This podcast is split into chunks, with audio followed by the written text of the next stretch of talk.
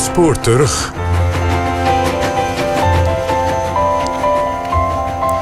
De februari-staking. De eerste grootschalige daad van verzet in Nederland tijdens de Tweede Wereldoorlog. Het is deze week 75 jaar geleden dat die staking uitbrak. Aanleiding was een grote razzia van de Duitsers in Amsterdam op zaterdag 22 en zondag 23 februari 1941, waarbij meer dan 400 Joden werden opgepakt. Luister naar een reconstructie van de gebeurtenissen die Kees Slager en Ronald van der Boogaard maakten in 1979, jawel, met toen nog levende ooggetuigen. Er spricht der Reichskommissar.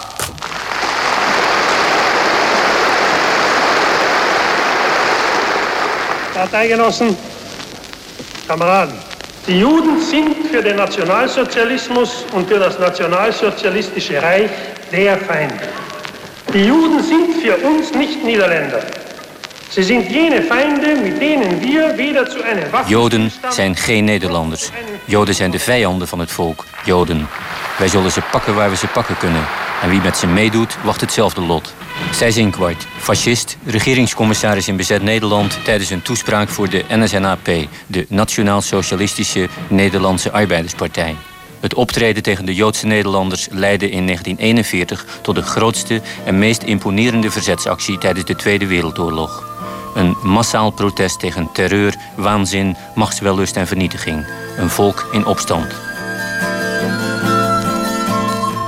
Een van de initiatiefnemers tot de februari-staking was oud-CPN'er Piet Nak, toen werkzaam bij de gemeentereiniging.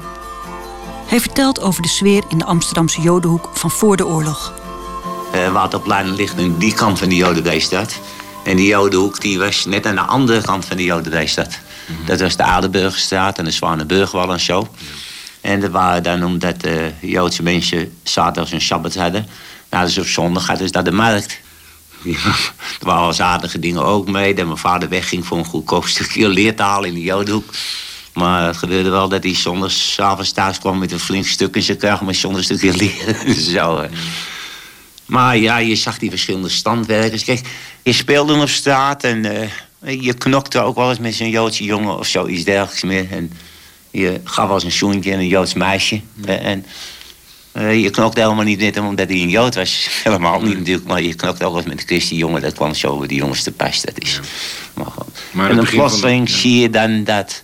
Ja, ik noem het vandaag de dag nog. Ik kan geen andere woorden vinden. Het tuig. Wat van over de grens kwam. Hè. Uh, de Joden arresteren en zo. En de, hoe zou je dan plotseling zou je die dingen gebeuren? Hè? En die moet je dan verder, die zou je op een film moeten zien.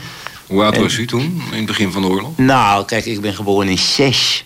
Dus door de oorlog uitbrak was ik 34.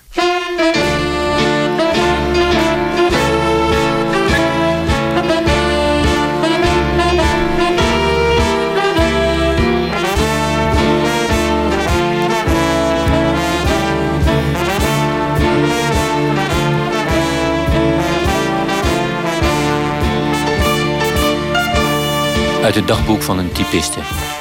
Dinsdag 25 februari 1941. Vandaag was het net zo'n geladen dag als na de capitulatie. De oorzaak hiervan zijn ongewilde Joden. Twee weken terug voelde de WA van de NSB zich geroepen relletjes in de Jodenbuurt uit te lokken.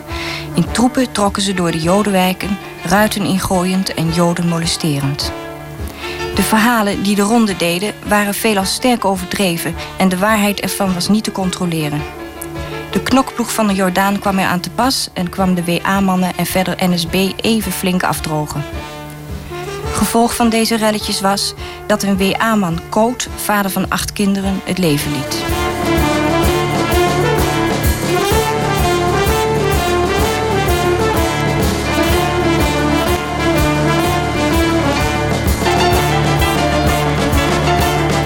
In heel Amsterdam groeit het verzet. De steeds scherper wordende maatregelen tegen de Joden leidt tot rancune. Op veel plaatsen in de stad wordt regelmatig gevochten. NSB'ers provoceren de bevolking. De woede over de onmacht neemt toe. De vernedering wordt steeds groter. Piet Nak over het geval Koot. Dat zijn NSB'er. Begrijpelijk. Uh, dat hij natuurlijk doodgeslagen is geworden. Hè? Die mensen werden getart.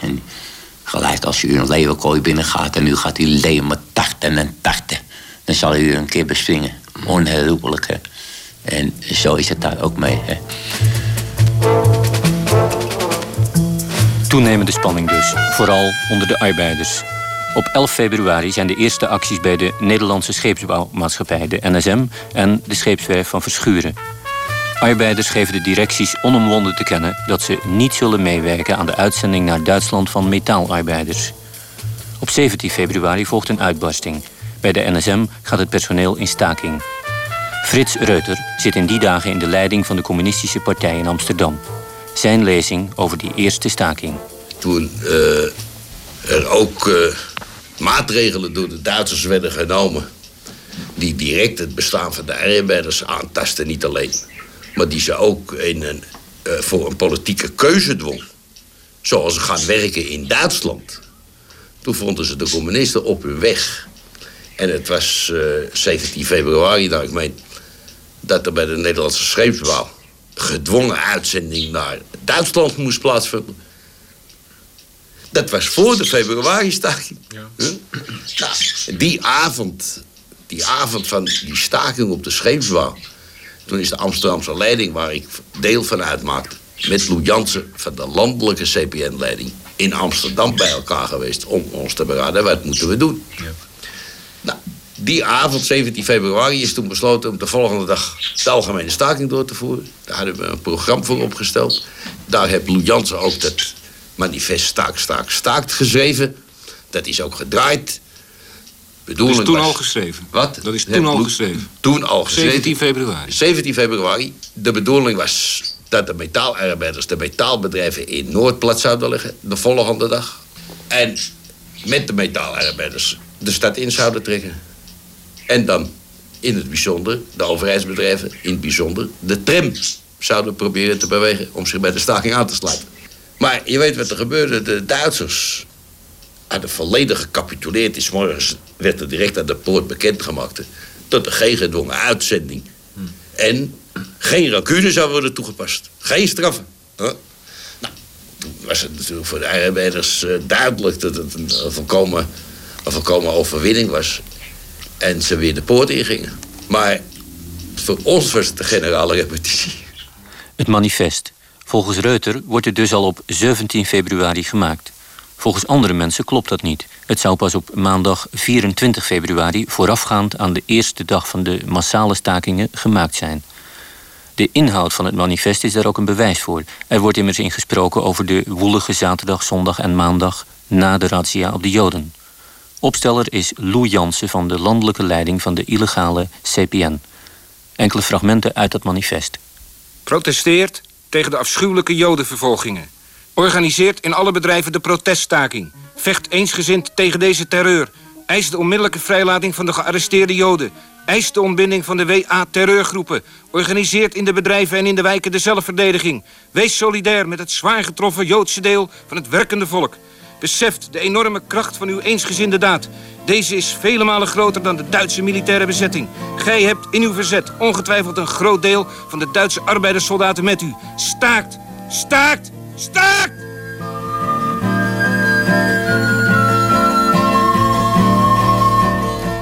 Wie heeft nu het initiatief genomen tot de staking?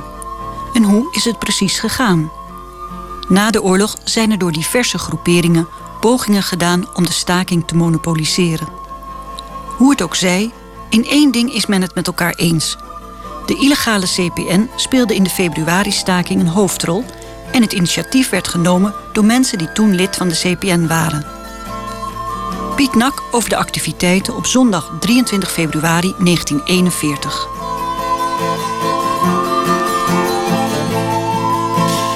En toen op zondag kwam Willem Kaan bij mij. Die was lid van de communistische partij, was statenmaker. En ik was dan in de reiniging. Ik zie bij Willem zo dat tranen over zijn wangen en wiggelen. En die zegt, Piet, wat ik me net gezien heb... want zijn ouders die woonden in de Koningsstad of niet in Markt, daar wil ik vanaf wezen. Maar dat is tegen de Joden ook aan. Hè? Dat ik daar allemaal gezien en dat is zo verschrikkelijk... dat mijn handen niet meer thuis houden. Zo was Willem gehouden. Die, onze handen uit te steken om iemand zijn nek om te draaien en zo. Nou ja, toen zijn we samen overeengekomen. En om, uh, we moesten de volgende dag gaan staken. Maar in de eerste plaats natuurlijk... Maar kwam dat nou zo ineens bij u tweeën op? Kwam bij morgen twee. moet de zaak ja, plat. morgen moet de plat. En, en, maar u ging alleen bij mensen van de reiniging en van de bestrating. Ja, andere mensen kon ik ook niet. En, en, en die ging u langs en u zegt van nou, morgen moet de zaak plat. Nou ja, we gingen natuurlijk even met ze praten. En uh, dat hoefde dikwijls niet lang, want die jongens hadden het ook gezien. Hm. En uh, toen dachten we s'avonds, verdikkie. Nou hebben we dat wel gedaan. Maar we hebben onze leiding niet eens gewaarschuwd. Ja. Dat moeten we toch als donder even doen. En waar wij verbinding mee hadden, dat was Zeuten. En die woonde daar in West. En uh, daar zijn we met z'n tweeën naartoe gestapt.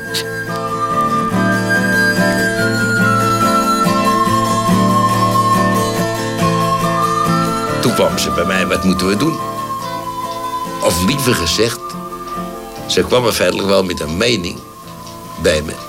We moeten morgen gaan staken. Het was zondagavond 7 uur.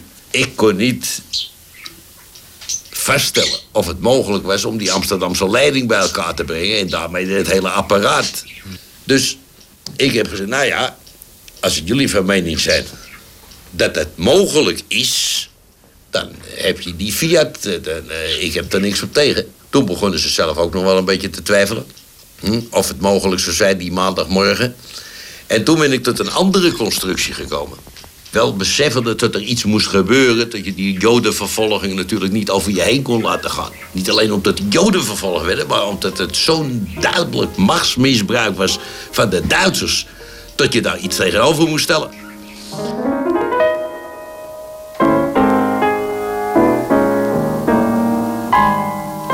Maar maandagochtend lukt het niet. De zaak is niet voldoende georganiseerd. Het manifest is er nog niet. Te weinig arbeiders zijn op de hoogte. Maar de geruchten verspreiden zich over de stad. De stemming voor een massale actie is er. Overal in de stad is het te voelen. Er gist iets. Eindelijk gaat er iets gebeuren. De leden van de illegale CPN en een aantal vertrouwensfiguren besluiten om maandagavond op de Noordermarkt bij elkaar te komen. Piet Nak en aansluitend Frits Reuter over die bijeenkomst. En toen heb eerst Dirk van Inwegen daar gesproken. En toen heeft mijn persoon gesproken. Daar, we hebben dat kort gedaan. Nou, ik schat ze zo. Ik schat ze zo op zo'n 200, 300 mensen. Maar het waren hoofdzakelijk mensen van de reiniging en de bestrating. De opkomst was voor ons uh, onder die omstandigheden buitengewoon goed. Een paar honderd man. Alleen voor publieke werken en van de reiniging. En direct, dus niet zoals zij is in zijn boek schrijft... tot smiddags het besluit tot algemene staking werd genomen. Nee, dat werd daar op de Nieuwe, op de Nieuwe Markt genomen. Door Jaap Brandenburg, mijn persoon, Bertus Brandsen... Uh, Piet Nak, uh, Willem Kraan was erbij. We hadden zo'n groepje gevormd, even zo apart. En daar kwamen twee vraagstukken aan de orde, staken of niet staken. Gezien de opkomst, gezien de stemming was er geen twijfel over mogelijk. Er moest een stakingsbureau gegeven worden. De vraag kwam wel aan de orde, wie moet het stakingsbureau geven? En toen heb ik voor, voorgesteld Dirk van Nimwegen. Ja. Dirk van Nimwegen, had ik ook mijn redenen voor. Dirk van Nimwegen was bestuurder van de Algemene Bond van uh, Personele Overheidsdiensten. Uh, dat is een, een, de neutrale bond was dat. Nou, dat heeft Dirk van Nimwegen dan ook vanaf de schuilkelder op de Noordermarkt gedaan. En toen hij uitgesproken was, is Piet Nak ook nog op de schuilkelder uh, geklommen. En die heeft hetzelfde parool nog een keer herhaald. Waardoor het dubbel, het dubbel gegeven parool goed is doorgekomen, blijkbaar. Want de gevolg, dat weet je. 25 februari, dinsdagochtend om 4 uur, begint het. Verzetsmensen verschijnen in de remises. De trams moeten worden tegengehouden, want als de mensen zien dat er geen trams rijden, dan begrijpen ze dat er iets aan de hand is. Toch is er een aarzeling. Een aantal trams rijdt uit. Opnieuw dreigt de staking te mislukken. Nou ja, toen uh, lukte dat dan niet in die havenstraat. En toen zijn we gegaan uh, met Kraan en de anderen naar... Uh, want eerst begon toen de reiniging om 7 uur. En de bestating die begon pas om half acht. En toen zijn we in de Halsenstraat getrokken. Wij dan, ik en de van Inwegen en Wagen en Willem Kraan. En daar lukte het ook niet. Toen ben ik gegaan naar de Hugo de Grootstraat. Dat was een sectiepost van de gemeente Reiniging. En daar waren de jongens niet aan het werk. En uh, ze waren ook niet het staken. Ze stonden buiten met de kerk. Dus ze al doen, ze wachten op een bericht van ons. En daar was een Nico Klein, heette die. En die stond daarbij. En toen zegt die Nico Klein, hoe staat het bij jullie? Ik zei, jongens, de hele boel ligt plat. En ik neem hem, of zij, ik zei, nee Nico, de boel ligt niet plat, maar hier, hè, met hun, dat stel ik dat nu, de boel er beneden gooi, die keil neerdompelt van hoe ja. Nou rennen we allemaal naar die vullerskeien toe die uitgereden zijn naar de trams en zo. Nou ja, toen, toen en een of elf, dacht ik zo ongeveer. Toen lag de hele boel in Amsterdam, die lag plat.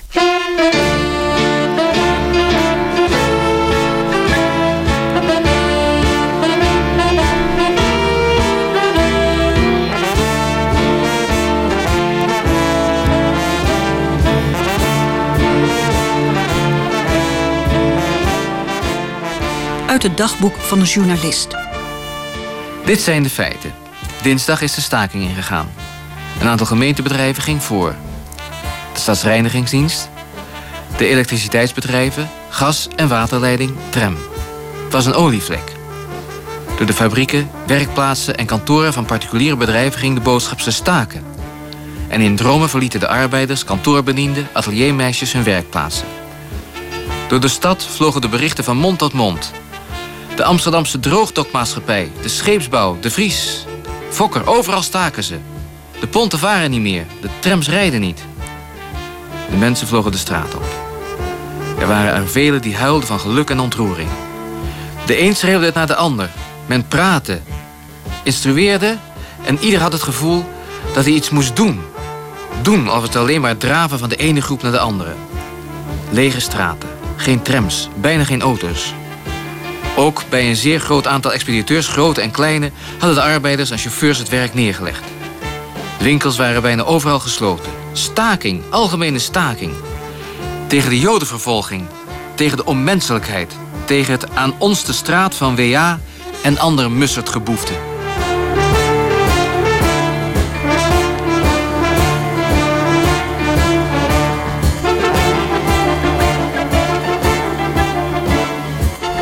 12 ligt alles plat. Het openbaar vervoer, de reinigingsdienst, openbare werken, metaalbedrijven, scheepswerven, havenbedrijven. Kantoorpersoneel staakt. Scholen gaan dicht. Het verhaal van een scholier. Ik was leerling aan de derde vijf jaar HBS aan de Mouwenschade. Onze school was ondergebracht in het fossiesgymnasium hier aan het eind van de Metadstraat. Ik hoorde die ochtend pas in de Rijnstaat van de staking. En toen sprak het voor mij eigenlijk vanzelf dat wij ook zouden staken. Ik was vroeg die ochtend. Ik was een van de eerste die hier op dit bruggenpleintje eigenlijk uh, arriveerde. Gauw na mij kwamen een paar klasgenoten en wij bespraken de, situatie en kwamen overeen om onze scholieren te laten staken. En zonder veel moeite gebeurde dat ook. Uh, na een paar minuten trokken we een hele grote sliert door Zuid. Een van ons hief de strijdkreet aan A, B, C, D, E, F, G. Weg met de moffen en de N, S, B. Ja, hoe durf je midden in de oorlog? Maar uh, vreemd genoeg uh, vonden we geen reactie. We probeerden nog een rondje. Terwijl de grote sliert uh, opnieuw de straat binnentrok, kwam de andere kant, ik zie het nog zo gebeuren, een klein autootje de straat binnen schieten. Ik zag het nummerbord, POL, politie, dat zo op me af kwam als het ware. Ik reed gelukkig voor mij links voorop.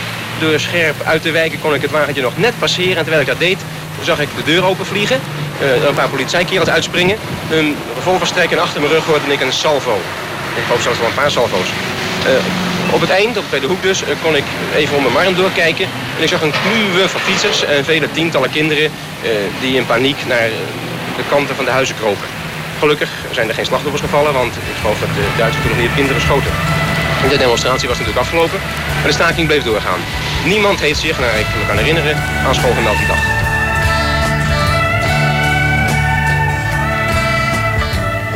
Ben Seijers heeft na de oorlog een uitgebreid onderzoek ingesteld naar de februari-staking. Hij sprak met honderden ooggetuigen. In 1946 verscheen zijn eerste rapport. Later vulde hij het aan met materiaal uit Duitse rapporten. In 1954 publiceerde hij zijn boek, De Februari-staking. Seijers was in 1941 lasser bij de scheepswerf van Verschuren. Zijn persoonlijke verhaal over die 25 februari. Op dinsdagmorgen vroeg ging ik naar mijn werk. En je zag geen tram. Zag je. En overal op die, die tramhal zag je arbeiders.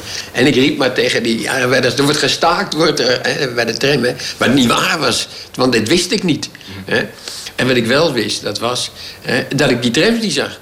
Dus ik concludeerde voorbarig daaruit. Hè. En toen kwamen er bij Verschuur op zeker moment arbeiders... Een, een groep arbeiders, die kwamen... Ik meen of van Fokker of van de NSDM, dus van de Nederlandse Dokmaatschappij.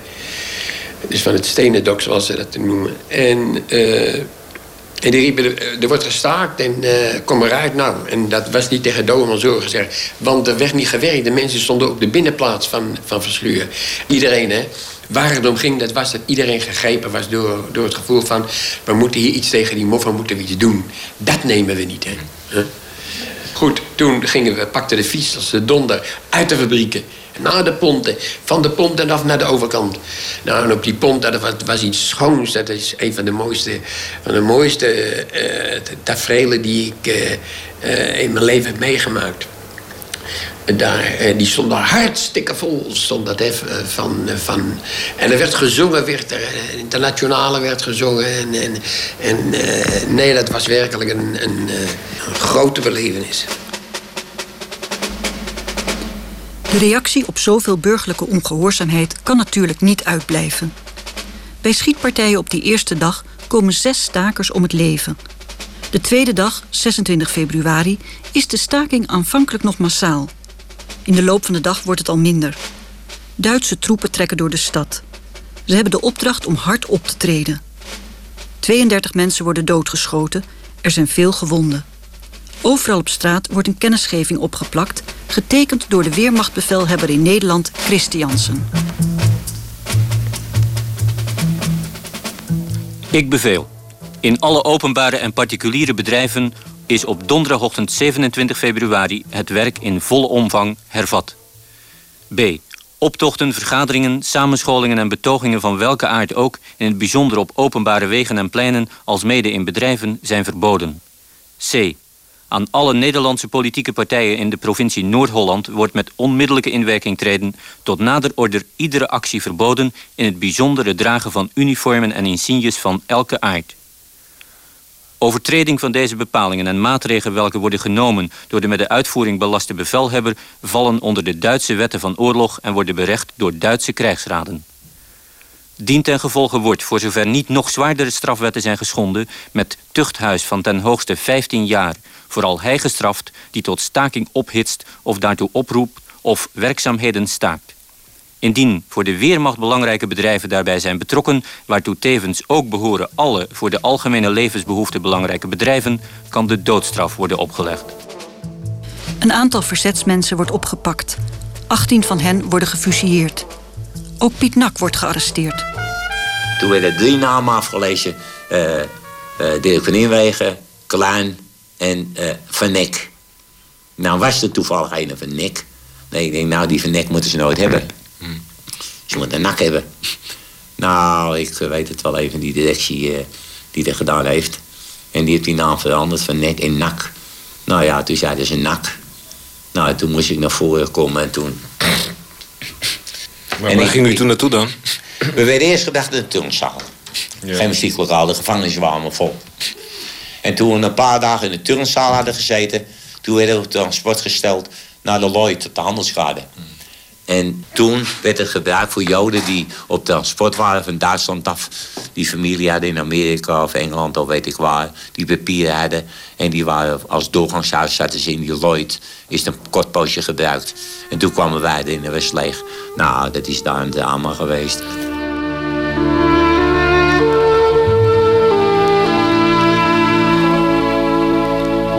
Piet Nak wordt vreselijk mishandeld. Een ooggetuigenverslag vanuit de gevangenis, verschenen in een illegaal blad. Plotseling is er tumult op de gang. De deuren worden opengesmeten en een der mannen die een uur geleden zijn weggeroepen, wordt onder slaag en vloeken teruggebracht. Het wordt er bij ons stil van. Tot midden in de zaal wordt hij gejaagd en dan moet hij op een der tafels klimmen. Uit het geschreeuw maken we op dat hij een mof moet hebben vermoord. Los, auf dem Tisch. Mensch, auf, auf, du Drecksack. Sag deinen Brüdern mal, dass du ein Mörder bist. Laut, Mensch. Ich bin ein Mörder. Ik ben een moorder, zegt de man. Hör mal zu, brult de Moff. Da sagt er schon selber, dass er ein Mörder ist. Nochmals, du Hund, und lauter. Dreh dich um, Mensch, dass die anderen es auch verstehen können, weet een andere mof.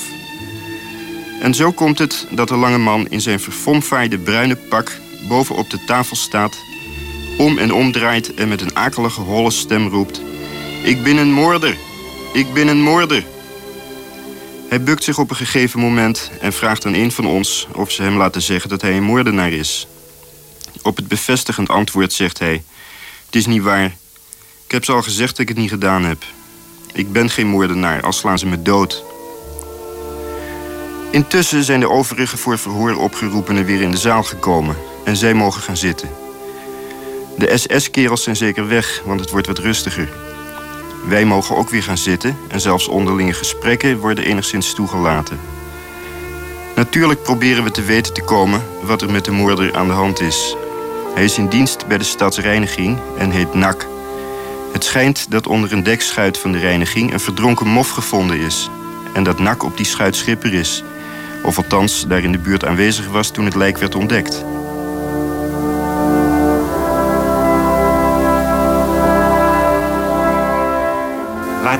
Heeft die staking nou opgeleverd?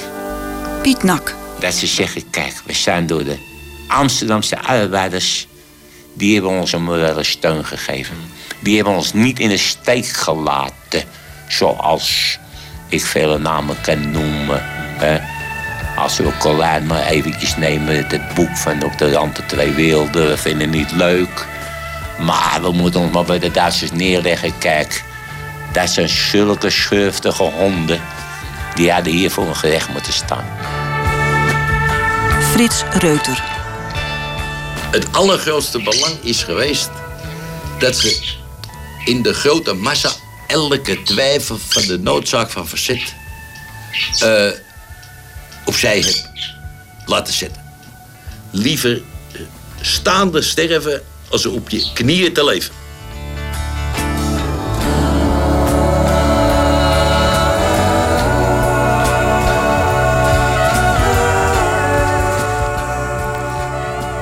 Dit was een programma uit 1979 over de februari-staking van Kees Slager en Ronald van de Boogaard.